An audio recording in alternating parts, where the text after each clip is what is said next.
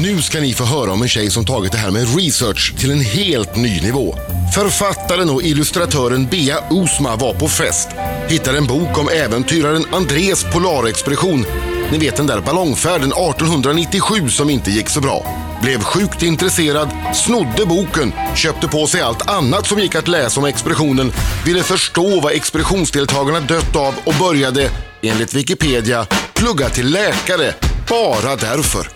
Detta resulterade i boken Expeditionen, min kärlekshistoria som vann Augustpriset i november för bästa faktabok. Att Bea Osma ses som den kanske allra främsta experten på just André-expeditionen och att hon nu är läkare på Karolinska sjukhuset i Solna. Ja, med det CVt förvånade föga att snart 48-åriga Bea mår som bäst när hennes hjärna går på högvarv. Ett par saker som ytterligare understryker hennes särprägel är att hon är med i Mensa och att hon tillsammans med sin syster Martina Haag har julpysslat med Kiss. Hon har julpysslat med Kiss och det har vi nog anledning att återkomma till. Bea Ja, Osman. Välkommen till Riksmorgonzoo. Tack ska du ha. Tervetuloa. Du, eh, ska vi ta det från början så att man förstår eh, lite mer om boken? Expeditionen, Andreas expedition. Mm. Han skulle tillsammans med två stycken eh, män flyga luftballong över Nordpolen. Vätgasballong. Ja. Gud, jag kommer så här mästra dig under hela... gör det. Det är, alltså- jag har ju Britta i studion, Trevligt sätt. så att det där går bra. Bra. Ehm, ja, i slutet på 1800-talet så var Arktis och Antarktis helt vita fläckar på kartan. Det var ingen som hade varit där. Och så var det många länder som tävlade om att bli först till Nordpolen. Och andra gjorde det på lite mer så vanliga sätt, så som att gå med skidor eller hundspann och så. Men André, som var en överingenjör från Stockholm, kom på ett otroligt modernt och elegant sätt. Att istället för att liksom vara nere på isen, Förlåt, men man kan säga att han var lite av en brat. det kan man nog säga. Ja. Eh, eh, ja, kanske. Eh, jo, istället för att gå ner på isen så skulle man helt modernt glida över hela Arktis i en vätgasballong. Mm. Så var planen. Och då skulle han också droppa ner svenska flaggan precis över Nordpolen. Ja, de skulle inte landa på Nej, poolen, utan de skulle det. skicka ner en jättestor boj med ett meddelande som det stod ungefär så här, vi var här först. Ja. Lite så. Sen skulle man liksom fortsätta eh, till Alaska, Kanada eller Ryssland. Beroende på vart vinden bar dem. Exakt, för ballongen hade ett litet segel. Det här var högst ehm, en, en konstruktion, så de hade aldrig provflugit den här ballongen. Är inte det dumt? I efterhand så kan man tycka det kanske. Men så här, nu tänker man så här, de är galna, de ska åka till Nordpolen i vätgasballong, det fattar man ju att det inte funkar. Men då, i slutet på 1800-talet, så hade man en jättestor tilltro till så här, ny teknik. Och, alltså det var liksom något väldigt, man kan jämföra lite grann med månlandningen. Att man skulle någonstans dit ingen hade varit och man skulle göra det på ett väldigt coolt sätt. Så Och de hade säkert räknat ut också att det här skulle funka matematiskt. De hade suttit vid skrivbord i Stockholm och liksom räknat och räknat och räknat och gjort långa listor istället för att vara ute och provflyga med ballongen. Eh, och de hade räknat att den här ballongen skulle hålla sig i luften i minst 30 dygn. Ja. Eh, de hade räknat ut att resan skulle ta sex dygn max över hela Arktis. Och ingen ballong vid den här tiden hade någonsin hållit sig i luften mer än ett dygn. Okej. Mm. De, de, de, de, de tror att de vill testa kanske bara upp i luften i två Nej, dygn men innan de de hade ju drar. räknat på Nej, nej, det. 30 dygn. De har räknat. Vid skrivbordet.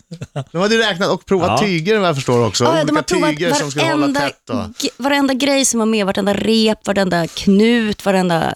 Ja, Allting var enormt noggrant förberett, men inte riktigt i rätt miljö. Nej. Och hur det gick sen, det får du höra alldeles strax.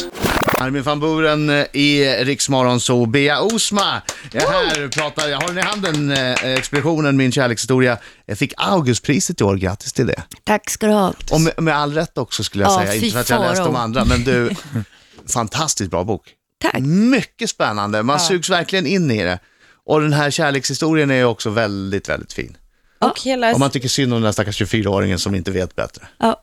Både, jag måste säga, både Beas kärlekshistoria till själva expeditionen och också en kärlekshistoria som finns mellan en av de deltagande och än han lämnar kvar, kan man väl säga. Just det. Och mordgåtan också, det är som en trippel. Nu säger du mordgåtan, det är Ja. roligt. ja, men det är ju Nej, så. ja, men ja, mord. dödsgåtan, ja, ja, du vet vad jag menar. Ja, jag vet vad du menar. Cluedo. Hände? de, de är i Stockholm nu. Ja. De har räknat och de har provat, eh, de har provat eh, olika sidentyger Ja. och de har, eh, Rep. ja, de har sytt Ja. och sömmerskor i Paris har sytt upp den här massvis av små fyrkanter av siden för att bygga den här stora ballongen. Ja. Och de ska iväg. Och De ska snart- iväg. Då har de listat ut så här att om de åker upp till Svalbard, nu heter det Svalbard, förut hette det Spetsbergen, och bygger upp ett hus längst upp, liksom, så, norr, så långt norrut man kan komma. Där bygger de upp ett hus. Inne i det här huset så fyller de upp ballongen. Sen sitter de där två hela somrar och väntar på sydliga vindar som till slut kommer. Den 11 juli 1897. Perfekt, och nu kommer vindarna. Mm. Och då ska de iväg. Mm. Och där Eh. kommer Bea fortsätta berätta om en stund. Riksmorgon så, eh, det är perjantai! Perjantai, kyllä. Perjantai, Ja. hyvää perjantai, kiitos! Puhuuko sä esti? Hjälp, du pratar finska med mig bara för att jag har ett estniskt efternamn. Eh, Puhuuko sä esti? Ja. Alltså, jag sa det till? Marco, han Ja, det, du hör ju, jag kan inte svara på talande estniska. Svaret är givet. I studion är jag som Adam. det är jag som är Britta. Är det som Marco? Och Och det är jag som är Bea Osman. Ja, har skrivit boken Expeditionen, min kärlekshistoria om Andres expedition med eh, ballongen, luftballongen. Vad många det är som Ja, det är applåderar. jättemånga som applåderar. Ja, ser du dem inte? De sitter och hukar bakom Som skrivbordet. fick Augustpriset 2013. Det är en fantastisk bok. Eh, expeditionen var tre stycken. Det var André själv, då, det var Knut Fränkel och Nils Strindberg. Och nu är de på Svalbard. De har precis fått de vindar de har väntat på i två år. Ballongen är eh, så gott det går uppblåst av vätgasen de har producerat själva på ön efter att de har haft med sig 23 000 kilo järnflis som de omvandlat till vätgas. Galningarna. Trixigt. Och Nu är det dags att åka. Mm. Ehm, 11 juli 1897 är det. Mm. De hoppar i ballongkorgen. De, André ropar kapa överallt och de hugger av, besättningsmännen som är kvar på stranden hugger av alla linorna. Och då är ju tanken att den här ballongen ska glida iväg så här snyggt Ja. iväg upp i, mot Nordpolen.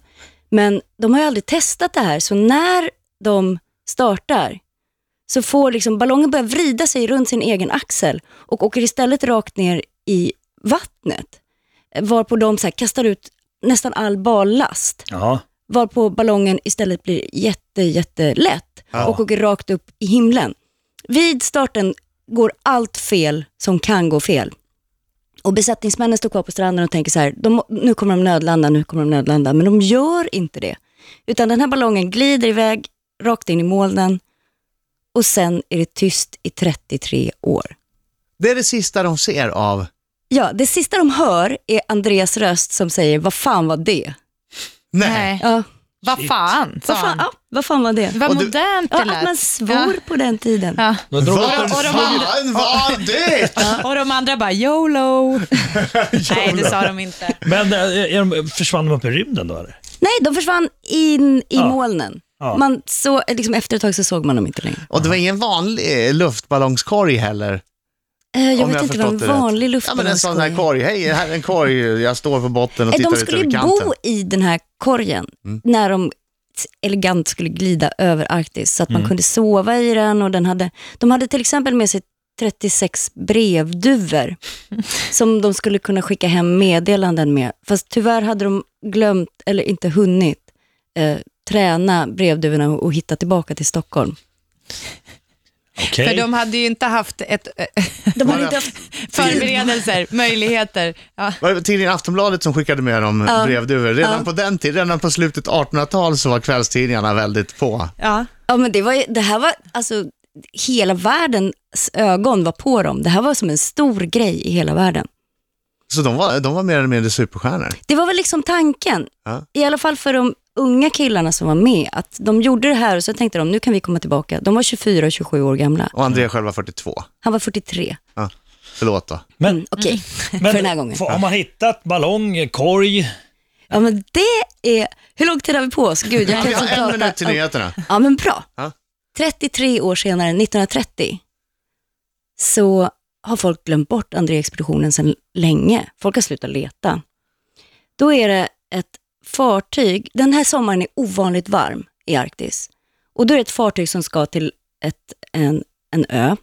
Och när de passerar en ö som heter Vitön, så ser de att vattnen där omkring är isfria. Och det är de nästan alltid, för Vitön är nästan alltid omgiven av drivis. Vitön ligger på ett helt annat ställe i Arktis. Ja.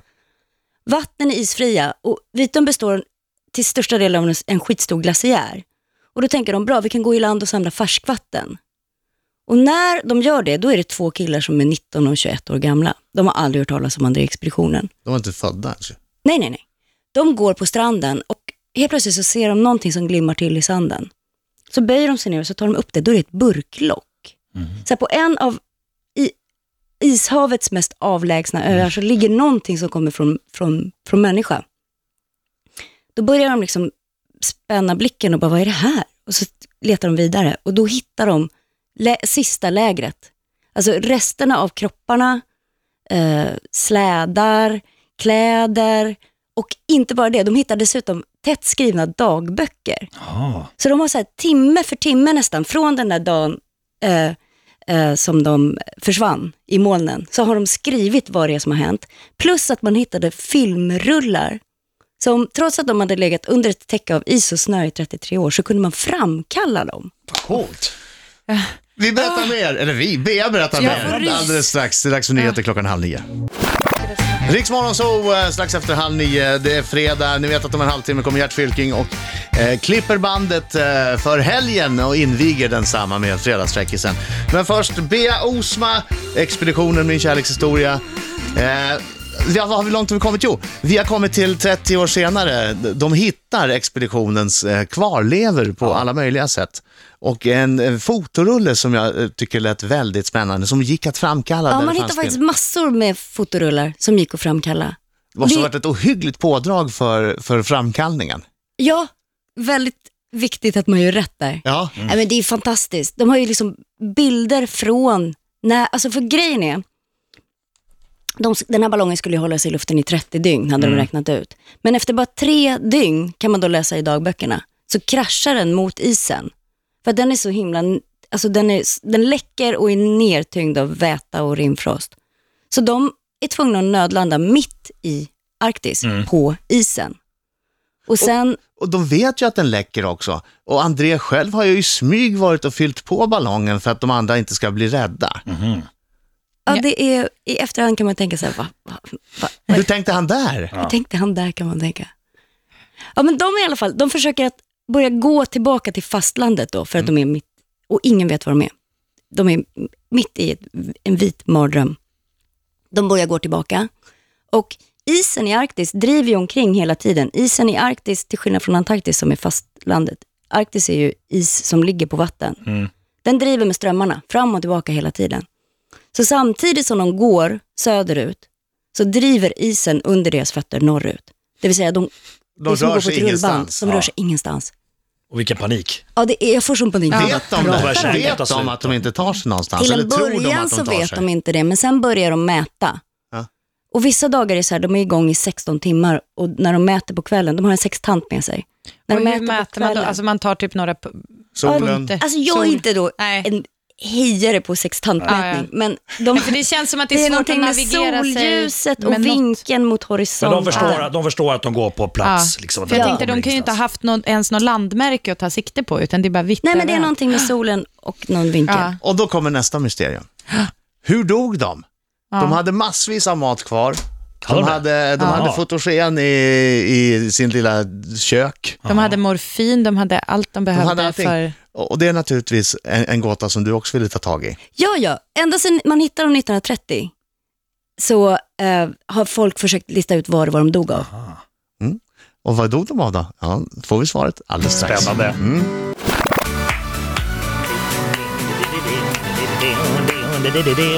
Riksmorgon så eh, hade André-expeditionen tillgång till musik?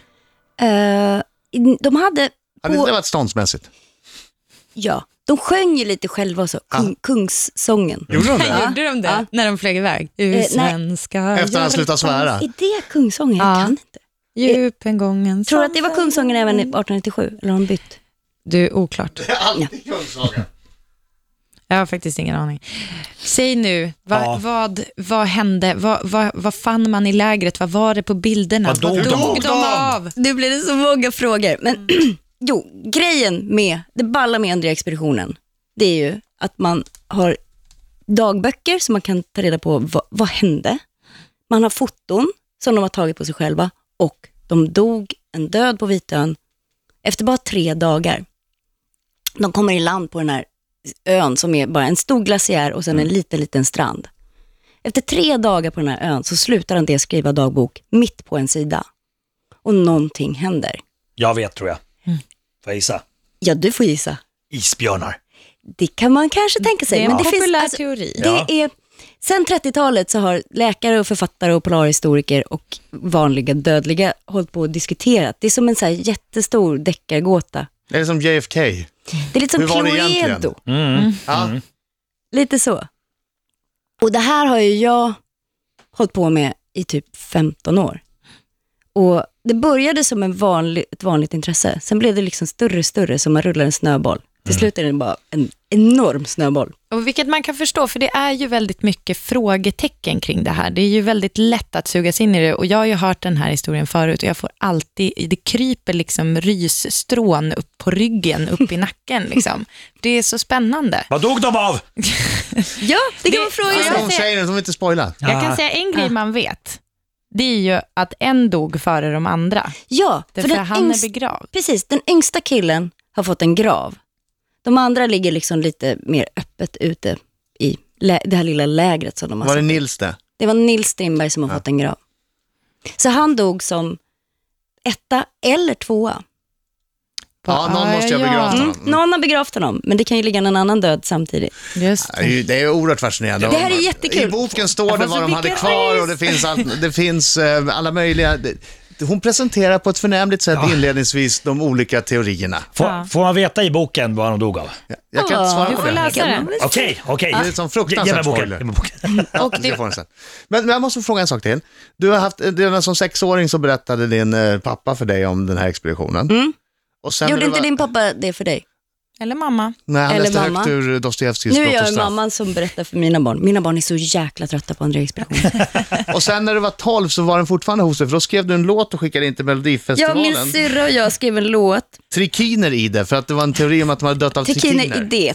I det. I det. Ja, det finns den mest kända så här, gamla teorin om vad de har dött av är trikinteorin. Trikiner är en liten parasitmask som kan finnas i isbjörnskött Och i vildsvin. och i annat vilt. Alla djur, som, alla djur som äter djur kan ha trikiner. Ja, och om man då är en människa som äter djur så kan man få in det här i sin egen kropp och så kan trikinerna eh, gå in i, i ens egen. Okej, Muskulatur. så att de sköt isbjörnar och sen så åt de upp köttet och sen fick de i sig det här. Exakt. Aha. Hur lät trikiner i det? Vill du verkligen höra det? Ja. Ja, jag Det vill. kom inte med i Melodifestivalen. Va? Det är skandal. Vi vill, får vi höra Vill du höra? lite? Jag har aldrig hört den faktiskt. Bea, Bea, Vänta, Bea. Trikiner i det, trikiner i det. Det är då själva refrängen. Sen är det då en lång vers med eh, Strindberg ligger alldeles stel, han måste ha ätit något som var fel. Trikiner, det. Snacka om att vara insnöad i hela den här Ja, expeditionsgrejen. verkligen. verkligen. Här är killen som var hos oss igår, James Blunt, Bonfire Heart. James Blunt i Riks Morgonzoo, eh, Bea Osmas eh, Expeditionen min kärlekshistoria, en fantastisk bok. Men när du har levt med någonting så här länge som du har gjort, du har ju aktivt kämpat med research i 15 år. Ja, Och jag så har som rest till Nordpolen, varit i Arktis åtta gånger. Vad Och coolt. så, och så kommer boken ut. Ja, Och, vad- och sen då? Vad händer då? Blir det inte helt tomt inuti dig? Ja, så här, boken är ju liksom bara en liten biprodukt till det här roliga, roliga som jag håller på med. Så hobbyn fortsätter? Ja, ja, ja. Men det vad, här vad är bara- nästa steg då? Ja, men nästa steg är eh, att det finns några naglar som jag ska låta analysera i Trondheim. Vems naglar? Andres naglar. Man har hittat dem i en vante. Just. Grejen med att det är så svårt att ta reda på vad de dog av är för att de blev kremerade när de kom hem. Men det finns några naglar som man har hittat i en vante. Och de ska jag låta analysera i Trondheim där de är bäst på nagelanalys i hela Europa. Det finns ett forskarlag där som i ett halvårs tid har hållit på och klippt av sina egna naglar för att få ett riktigt bra referensmaterial. Alltså för din Wow. grej bara? Ja. Fan Gud, vad vad coolt. häftigt. Ja. Jätteroligt. Snacka om att gå in 100%. Ja. Fan vad häftigt. Jag är jättes... Och under nyfiken. tiden har du blivit läkare. Ja, Ja, men då så. Passa på att göra någon- lite något vid sidan av. lite vid sidan av. Nej, men det, alltså, det var ju som en förutsättning för att jag skulle kunna ta reda på vad de dog av. Sen är det kul att vara läkare också. Men jag skulle aldrig kunna gå in i det här ordentligt om jag inte hade den kunskapen. Dessutom, när man är läkare, då kan man ringa upp vem som helst. Det är liksom, man, det, om man är läkare så är det, fattar inte folk att man samtidigt är en galning. Är du Dr. Osma? Ja. Hej, det är Dr. Osma här. Nej, Jag skulle vilja analysera några naglar. Nej, men så säger jag väl inte. Jag säger att jag heter Bea Osma och jobbar som läkare kanske. Men du menar att du är inne i the circle of trust på något sätt? Exakt. Så du är liksom maskerad, fast du är egentligen tokig. Nej, men jag är inte tokig, men jag är väldigt, väldigt eh, aktivt intresserad skulle man kunna Ja. säga. Tack så hemskt mycket för att du kom hit. Tack så Fantastiskt otroligt spännande historia. Snälla ni. Ja.